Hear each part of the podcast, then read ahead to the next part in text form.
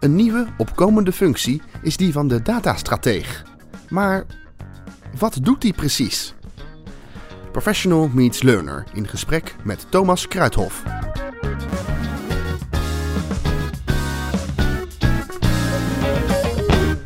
Thomas, welkom. Leuk dat je er bent. Zaten de werknemers van de HR-afdeling van KLM een beetje ja, raar te kijken toen jij ineens als datastratege de afdeling op kwam lopen? Nou, dat viel erg mee, ehm, want HR, eh, data en analyse is al anderhalf jaar een behoorlijk hot topic eh, bij de KLM, of bijna twee jaar inmiddels. Dus tegen de tijd dat ik bij de KLM kwam, ongeveer acht maanden geleden, was er al een, een datateam en een analyse-team en die waren al aardig aan de weg aan het timmeren. Ehm, dus nee, mensen kijken eigenlijk niet heel raar op. Mensen kijken opgelucht. Mensen zijn blij dat er eindelijk iemand komt om mee te helpen om beslissingen op basis van data in plaats van onderbuik te maken. Opgelucht? Nou, bijna wel, ja. Wat, wat was er dan allemaal zo fout dan? Nou, niet, niet per se fout, maar mensen hebben zelf, uh, zien zelf ook wel dat, het, dat je niet zomaar um, beleid moet maken over bijvoorbeeld diversiteit of op basis van ziekteverzuim. En dat je niet op je gevoel beslissingen daarover moet nemen. Maar dat je gewoon moet kijken, oké, wat gebeurt er nou echt in de organisatie? Welke, hè, welke drivers zijn er nou van ziekteverzuim? Of hoe zorgen we nou dat er meer vrouwen aan de top komen? En hoe is de situatie nu eigenlijk? In plaats van dat je um, besluiten neemt zonder dat je eigenlijk weet wat je aan het toetsen bent. Ja, kun je kort uitleggen wat is de datastratege voor de leek die nu luistert en geen idee heeft waar wij het over hebben? Nou, um, ik denk dat de datastrategie, dat moet je zien uh, als iemand die kijkt naar alle data die er beschikbaar is en kijkt welke combinaties daar mogelijk zijn. En ook kijkt naar welke data is er nog niet beschikbaar en zou wel heel waardevol zijn om te combineren met bestaande databronnen. Dus een concreet voorbeeld. Uh, bij KLM kijken we veel naar de drivers achter ziekteverzuim. Dus waarom um, melden mensen zich ziek? En kunnen we dat terug herleiden tot dingen die we in de data zien. Dus waar we bijvoorbeeld naar kijken is of um, mensen die veel roosterwijzigingen ondergaan, of mensen die veel nachtdiensten draaien, of um, nou ja, uh, ding, die, dingen in het rooster bijvoorbeeld, of dat leidt tot een hoger verzuim. En als dat zo is, dan kun je daarna gaan kijken, oké, okay, uh, misschien kunnen we in plaats van drie nachtdiensten achter elkaar voortaan mensen maximaal twee nachtdiensten achter elkaar laten draaien en daarmee het ziekteverzuim terugdringen. Dat zou kunnen. Dat zou kunnen. Interessant. En we gaan het hier de komende 20 minuten uitgebreid over hebben. Maar dat doen we met z'n drieën. Want er zit namelijk nog iemand bij ons aan tafel. Alex van der Linden. Alex, welkom. Um, hoe kwam jij in aanraking met deze datastrateeg? Binnen KLM ben ik uh, verantwoordelijk voor het leerlandschap. En uh, afgelopen jaar uh, kwam eigenlijk zeg maar, de functie van Thomas vrij. En ons werd de vraag gesteld van oké, als je nu binnen jouw domein een topic hebt waarmee je met data aan de slag wil, nou ja, kom dan met een voorstel en bedenk dan ook concreet wat je zou willen. Ehm, en nou ja, aangezien ik best wel de toegang heb tot een, een um, hoeveelheid data als het gaat over leren, kwamen wij eigenlijk in gesprek van ja, oké, we hebben de data, maar we weten er misschien nog te weinig van of we doen er te weinig mee. En zodoende kwamen wij eigenlijk het gesprek van... Kun je me helpen met hoe kunnen we die data ontsluiten? Hoe kunnen we er nu voor zorgen dat het ook relevant wordt? En hoe kunnen we er ook voor zorgen dat de combinatie wordt gemaakt met andere data? Wat is dat, data op het gebied van leren? Wat, wat zie je dan? Ja, nou ja, data op het gebied van leren zie je op uh, verschillende niveaus. medewerkers doen een training. Uh, dat kan een digitale training zijn. En op basis van die digitale training wordt er bepaalde data opgeslagen. Dat is over het algemeen vrij beperkt. Dus we kunnen bijvoorbeeld zien wie heeft de training gedaan, hoe lang, wat is de score. Ehm, maar uiteindelijk hebben we ook data in de vorm van welke trainingen heeft men klassikaal gevolgd. Of uiteindelijk hebben we ook data als het gaat om hoe wordt ons systeem gebruikt. Uh, dus we hebben ook een combinatie gemaakt met een analytics tool. Waar we dus bijvoorbeeld ook kunnen zien van ja, wanneer is iemand bijvoorbeeld uh, op ons platform, hoe lang, nou dat. En wat we eigenlijk willen, of wat is eigenlijk onze toekomstvisie daarin, is dat we veel meer ook gaan halen uit die data van uh, hoe lang zijn mensen bezig uh, met, met bijvoorbeeld een video. Uh, stel je hebt een video van vijf minuten, wanneer start men, wanneer stopt waarom stoppen ze daar? Dus je kan heel erg kijken van, ja, geeft die data informatie over de toepassing die we hebben gemaakt. Maar uiteindelijk kun je bijvoorbeeld ook inzichtelijk maken. Bij KLM is bijvoorbeeld compliance heel belangrijk. Dus mogen mensen het werk doen waarvoor ze ingehuurd zijn. Nou ja, je wil inzichtelijk maken uh, of op de dag van uitvoering iemand daadwerkelijk die certificering heeft. Maar uiteindelijk wil je ook zien over een langere periode wat je zou moeten doen op het gebied van training. Om die mensen over een maand of over twee maanden ook compliant te hebben om dat werk te kunnen doen. Ja, gecertificeerd te laten blijven. Exact. Ja, precies. Dus er is onwijs veel data dus in omloop waarvan een merkwerknemer dus niet eens weet of dat het bestaat, denk ik. Wat weten jullie allemaal van die werknemers? Wat weten wij van die eh, medewerker?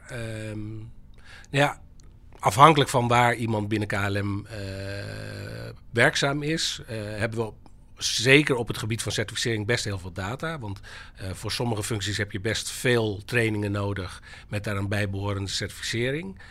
Dus dat weten we van die medewerker. Wat we eigenlijk nog te weinig weten is wat de medewerker zich beweegt als het gaat om eigen ontwikkeling. Uh, dus naast veel compliancy data, dus echt trainingen, beschikken we ook best wel over een grote catalogus van vrije training. Dus die men kan doen zonder dat daar kosten aan zitten. En eigenlijk wat wij willen vanuit HR of vanuit de LD is dat ook die medewerker meer aan het roer komt van zijn eigen ontwikkeling. En dat hij dus veel meer uit eigen initiatief trainingen gaat doen. En dan wil je dus weten van oké, waar zit dan de interesse voor trainingen? Dat je ook kan kijken binnen de verschillende onderdelen. Uh, is bijvoorbeeld een stewardess geïnteresseerd in andere trainingen dan iemand die uh, op kantoor werkt? Ja. Wat is er in de anderhalf jaar dan nu al veranderd? Positief gezien dan? Want anderhalf jaar geleden was het er nog niet. Dat, dat, dat zei jij net, Thomas. Ja. Wat, wat heb jij nu al zien veranderen op, op dit gebied?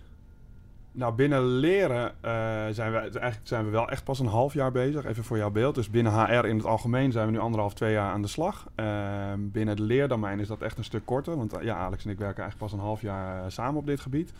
Uh, we hebben eigenlijk met name op het compliance stuk wel echt progressie geboekt. Dus um, waar het in het verleden best ingewikkeld was om de juiste data uit het leerplatform uh, te halen en te kijken van um, wie heeft nou welk certificaat, hebben we nu uh, het begin gemaakt van een app waarbij elke manager van al de medewerkers die onder hem zitten kan zien wie er uh, welke certificering heeft en welke die nog moet halen om te zorgen dat hij compliant blijft voor die dag, voor die week en voor die maand. Um, en daarnaast zijn we, zoals Alex al aangaf, kijk, we hebben dat platform draaien, hè, waar, waar, al die, uh, waar al die cursussen op kunnen worden gedaan. Um, ik ben altijd erg geïnteresseerd, oké, hoe wordt dat platform dan gebruikt? Dus bijvoorbeeld een experiment wat we een tijdje terug hebben gedaan, en dat was binnen L&D nieuw. Kijk, in de online marketingwereld, waar ik ook veel werk heb gedaan, is het heel gebruikelijk om heel erg te analyseren wat gebeurt er op mijn platform. Als je naar een winkel als Coolblue of zoiets kijkt, daar zitten tientallen analisten de hele dag te kijken. Wie klikt waar, hoe vaak, hoe lang zitten ze daar, wel, welk spoor volgen ze om tot een aankoop te komen. Allemaal dat soort informatie. Dus binnen L&D is dat eigenlijk nog relatief nieuw om op die manier naar dat platform te kijken. Dus we hadden een cursus die wilden we pushen. En er ging een e-mail uit om, uh, om mensen uit te nodigen om die cursus te, te doen. Um, maar die e-mail die was vrij, uh, ja, vrij dwingend, um, vrij, vrij, vrij kaal, zeg maar, qua tekst. Gewoon niet heel gezellig.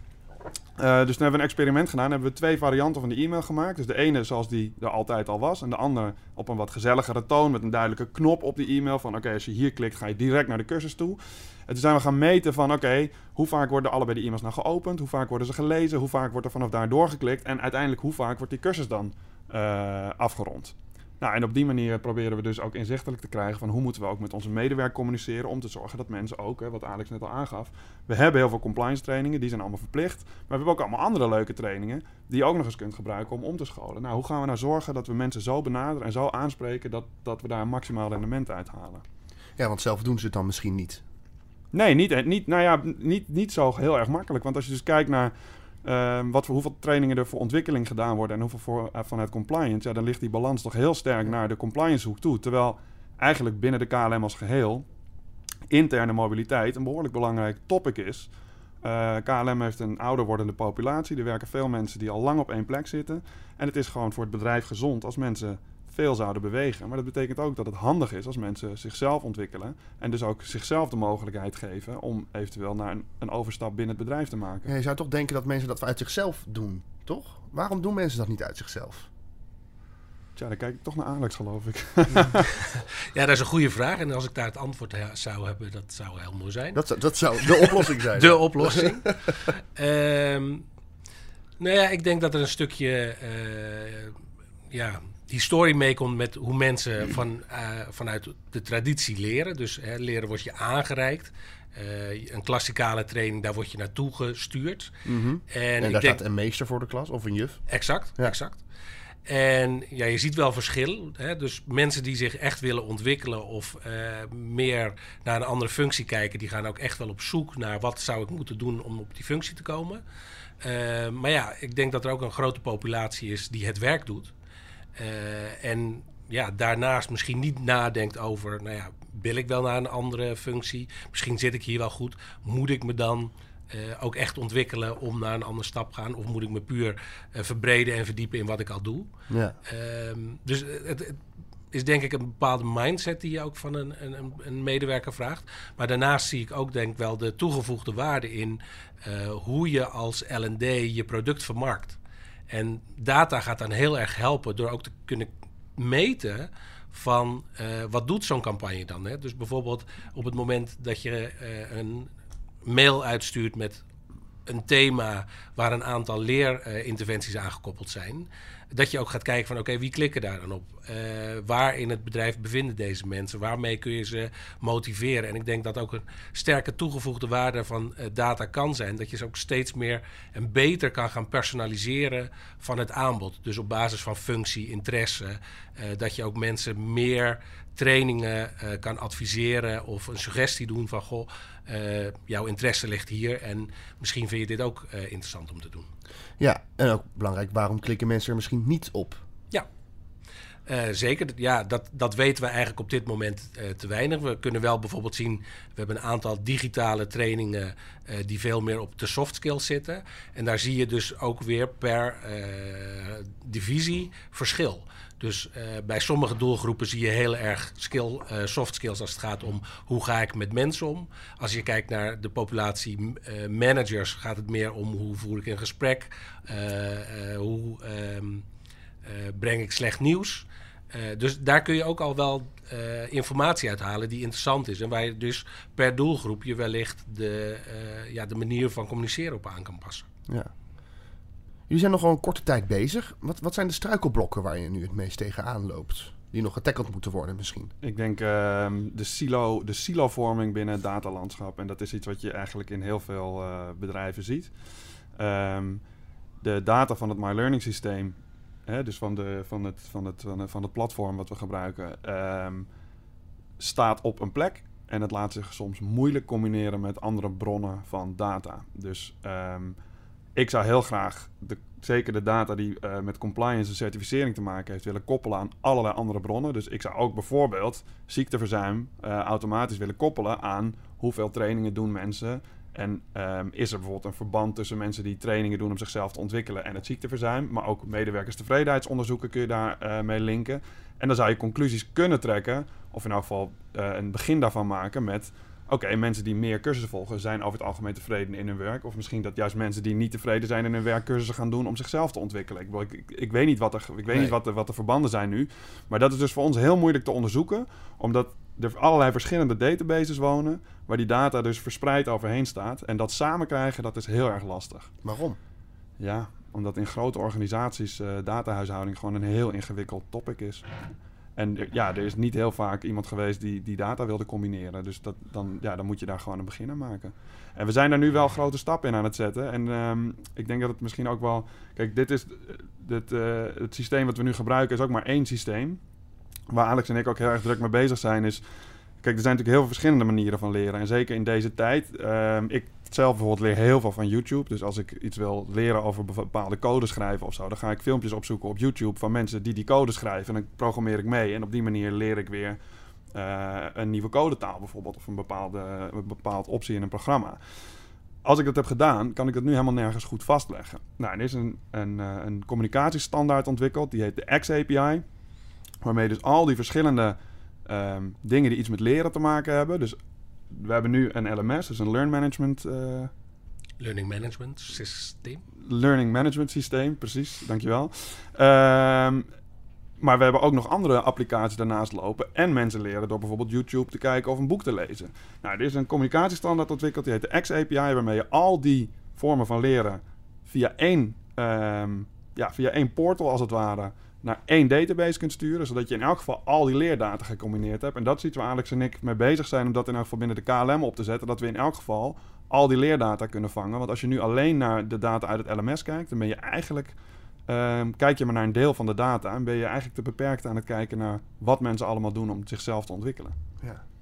Als ik dit zo hoor, dan krijg ik bijna heel veel respect voor een datastratege. Want zo, zoveel getalletjes, zoveel cijfers. Nou, wat, wat, wat moet een datastratege überhaupt in zich hebben om, om zo'n groot bedrijf als KLM een beetje ja, te, te laten bewegen? Nou, ik denk dat je in elk geval uh, een enthousiasme moet hebben over data. En dat je dat zelf ook echt leuk moet vinden, wat ik, wat ik ook vind. Um, en je moet het leuk vinden om mensen te enthousiasmeren. Want het is wel, um, ja, het is, uh, mensen moeten iets, iets, anders gaan doen dan ze deden natuurlijk. Hè? En er moeten nieuwe dingen worden ontwikkeld. Dus heel veel van het werk wat ik doe is eigenlijk lobbywerk. Om mensen te laten zien van, oké, stel dat we um, deze uh, database inbouwen bijvoorbeeld. Welke mogelijkheden gaat ons dat aanbieden? En Um, ja, dan moet je dus ook met business cases op de proppen kunnen komen en laten zien, oké, waar kunnen we dan geld besparen of waar kunnen we dan geld verdienen? Ja, dat is bijna politiek voeren. Oh, absoluut. Ja. ja. Hoe zie jij dat, Alex? Als je kijkt naar uh, de, de tijd voordat er een datastratege zoals Thomas was, mm -hmm. was het daadwerkelijk anders of, of, of logger? Of... Nou, ik wil niet zeggen dat het logger is, maar je kent zeg maar wel uh, de traagheid soms van een corporate. En dat zit met name ook inderdaad in het feit dat heel veel data wel beschikbaar is, uh, maar niet gecentraliseerd. Dus uh, voor bepaalde data zul je ook naar een afdeling moeten om dat op te halen. Um, ik denk wel dat wat het gedaan heeft, onze samenwerking, is ervoor zorgen dat we in ieder geval inzicht gingen krijgen. Uh, als ik kijk naar hoe het voorheen was, was het puur van je rolt een training uit, daar komt data uit. En op het moment dat de training afgerond is voor iedereen en iedereen heeft zeg maar het vinkje, uh, dan was het eigenlijk al genoeg. Ja, en ga je weer verder met het leven. Precies. En eigenlijk wat je, wat je nu hebt, is dat je ook veel meer na gaat denken over zaken als uh, hoe vaak rol ik een training uit? En uh, hoe, op welk moment kunnen we het beste die training uitrollen? Ja. Wat is de tone of voice die je daarbij hebt? maar ook inderdaad dat je na gaat denken over ja, die data die ik heb. wellicht kan dat ook ja, bijdragen aan een ander inzicht. Um, dus ik, ik, denk dat het voor nu echt meer inzicht is in welke informatie hebben we en hoe kunnen we dat uh, eigenlijk voor de, de KLM-afdelingen relevant maken door inzicht te bieden. Maar ik denk voor de, voor de volgende stap is het, ja, het beter kunnen ontsluiten van die data. Het ook makkelijker ontsluiten. Uh, nou ja, um, Thomas haalde net al even die XAPI-standaard aan. Uh, dat maakt het veel makkelijker om bepaalde systemen met elkaar te koppelen. En op een eenduidige manier die data ook uh, beschikbaar te maken. Uh, ja, dat gaat gewoon helpen om straks ook sneller dit soort dingen te, te kunnen voorzien. Maar ook meer vanuit een, ja, een niet zozeer, of, ja, misschien wel een voorspellende waarde. je beslissingen te kunnen gaan maken. In plaats van dat je zeg maar je laat leiden door uh, de bedrijfsmatige uh, processen die er zijn. Ja. Als het gaat om een verplichte training bijvoorbeeld. Dus in plaats van het vinkje achteraf al van tevoren kunnen kijken wat het vinkje zou gaan doen. Ja, bijvoorbeeld. Of uh, nou ja, wat je net al aangaf, wat ik wel een aardig vind om eens te onderzoeken, is bijvoorbeeld uh, wanneer zijn de mens, meeste mensen op het platform? En wat is dus ook het, het meest geschikte moment om een uh, mailing of in ieder geval een notificatie voor een training ja. uit te sturen, zodat je ook het, het, meeste um, uh, profijt hebt van het moment dat je hem uitstuurt. Uh, we weten bijvoorbeeld, of dat is een aanname, dat op woensdag en vrijdag de meeste mensen een parttime dag hebben. Nou, dat is misschien niet handig. Om op om... woensdag en vrijdag zo'n mail te sturen. Ja. Exact. En als het nu blijkt dat dinsdagmiddag om 1 uur het meest exacte moment is, ja, daar, daar ja. kun je iets mee doen. Ja. Thomas, hoe zie jij de toekomst van de datastrateeg? Van de datastrategie in zijn algemeenheid of bij HR en, uh, en de learning-omgeving? Ja, in zijn algemeenheid ook. Ja, ik denk dat datastrategie um, uh, een enorme vlucht gaat nemen nog eigenlijk. Ik haalde het vanmorgen, ik zat met, uh, met Alex stond ik even voor te bespreken. En um, wat je gewoon bij veel bedrijven ziet, is dat data een beetje de positie inneemt die IT eigenlijk 20 jaar geleden innam. Dus waar er tegenwoordig bijna in elke raad van bestuur wel iemand verantwoordelijk is voor het IT-domein, zie je eigenlijk dat er bijna in geen enkele raad van bestuur iemand verantwoordelijk is voor het datadomein. En vaak is data ondergebracht binnen IT, omdat het dan toch iets van information services is. In de praktijk is data toch gewoon echt een heel eigen spoor. Dus ik voorzie dat over een jaar of 5 à 10 alle grote corporates op board level iemand uh, op data hebben zitten. En dat echt de functie van CDO, dus Chief Data Officer, dat dat veel groter gaat worden. Omdat je ziet dat doordat er vanuit de business, dus vanuit onderin het bedrijf, een enorme behoefte aan data is. Heel veel mensen in bedrijven zelf oplossingen voor die data gaan maken. En dat er van bovenaf eigenlijk niet voldoende sturing is uh, om, dat, om dat allemaal te centraliseren. Terwijl dat wel de behoefte is van het bedrijf. En dat er veel meer waarde uit die data zou kunnen komen als je dat gecentraliseerd oppakt. En als je nou, als, als stel er luistert iemand die een bedrijf wil opzetten, die luistert nu. Um, wat voor tips zou je hem of haar mee willen geven, zodat uh, de data niet, als het een eenmaal een grote corporate is geweest, niet over alle zalen verspreid is, maar dat het al gelijk op één plek is? Nou ja, denk heel goed na Kijk, en het, het, blijft moeilijk, omdat je natuurlijk niet in de toekomst kan kijken. Maar denk heel goed na over hoe je die data gaat ontsluiten. En ook welke bronnen je met elkaar wil combineren en waar je denkt dat er waarde zit. En denk daar van tevoren over na, zodat je zorgt dat in elk geval die bronnen samen ontsloten zijn en op één plek uh, op te vragen zijn. Um, in plaats van dat je, dat, dat je al die data. Ja, goed, dan wordt het een beetje technisch misschien. Maar kijk, je kunt data in een applicatie laten wonen. Of je kunt het eruit halen en in een data warehouse stoppen. En ik denk dat je heel erg moet kijken naar hoe ga je dan al die data. Hè, neem, bedenk van tevoren dat je het naar een data warehouse of eventueel een data lake, dat is dan nog een andere toepassing. Maar bedenk van tevoren welke data je daarin wil stoppen. En zorg dat je dat ook al bouwt. In plaats van dat je er na een aantal jaren achter komt dat je dat eigenlijk had moeten doen. Ja, precies. Want de meerwaarde is groot. Alex, is toch? Jazeker. Uh, met, met name, ja, nu zijn we natuurlijk nog vrij klein bezig. Maar als je inderdaad meer uh, data kan combineren en daar ja, bedrijfsprocessen of bedrijfsbesluiten op kan baseren, uh, ja, dan kun je misschien ook vooraf dingen inschatten die je nu misschien af en toe een beetje op gut feeling doet. En ik denk zeker voor bedrijven is het gewoon heel belangrijk om bepaalde inzichten te hebben en dat je daarop je beslissingen kan maken. Alex van der Linden, Thomas Kruithof, dank jullie wel.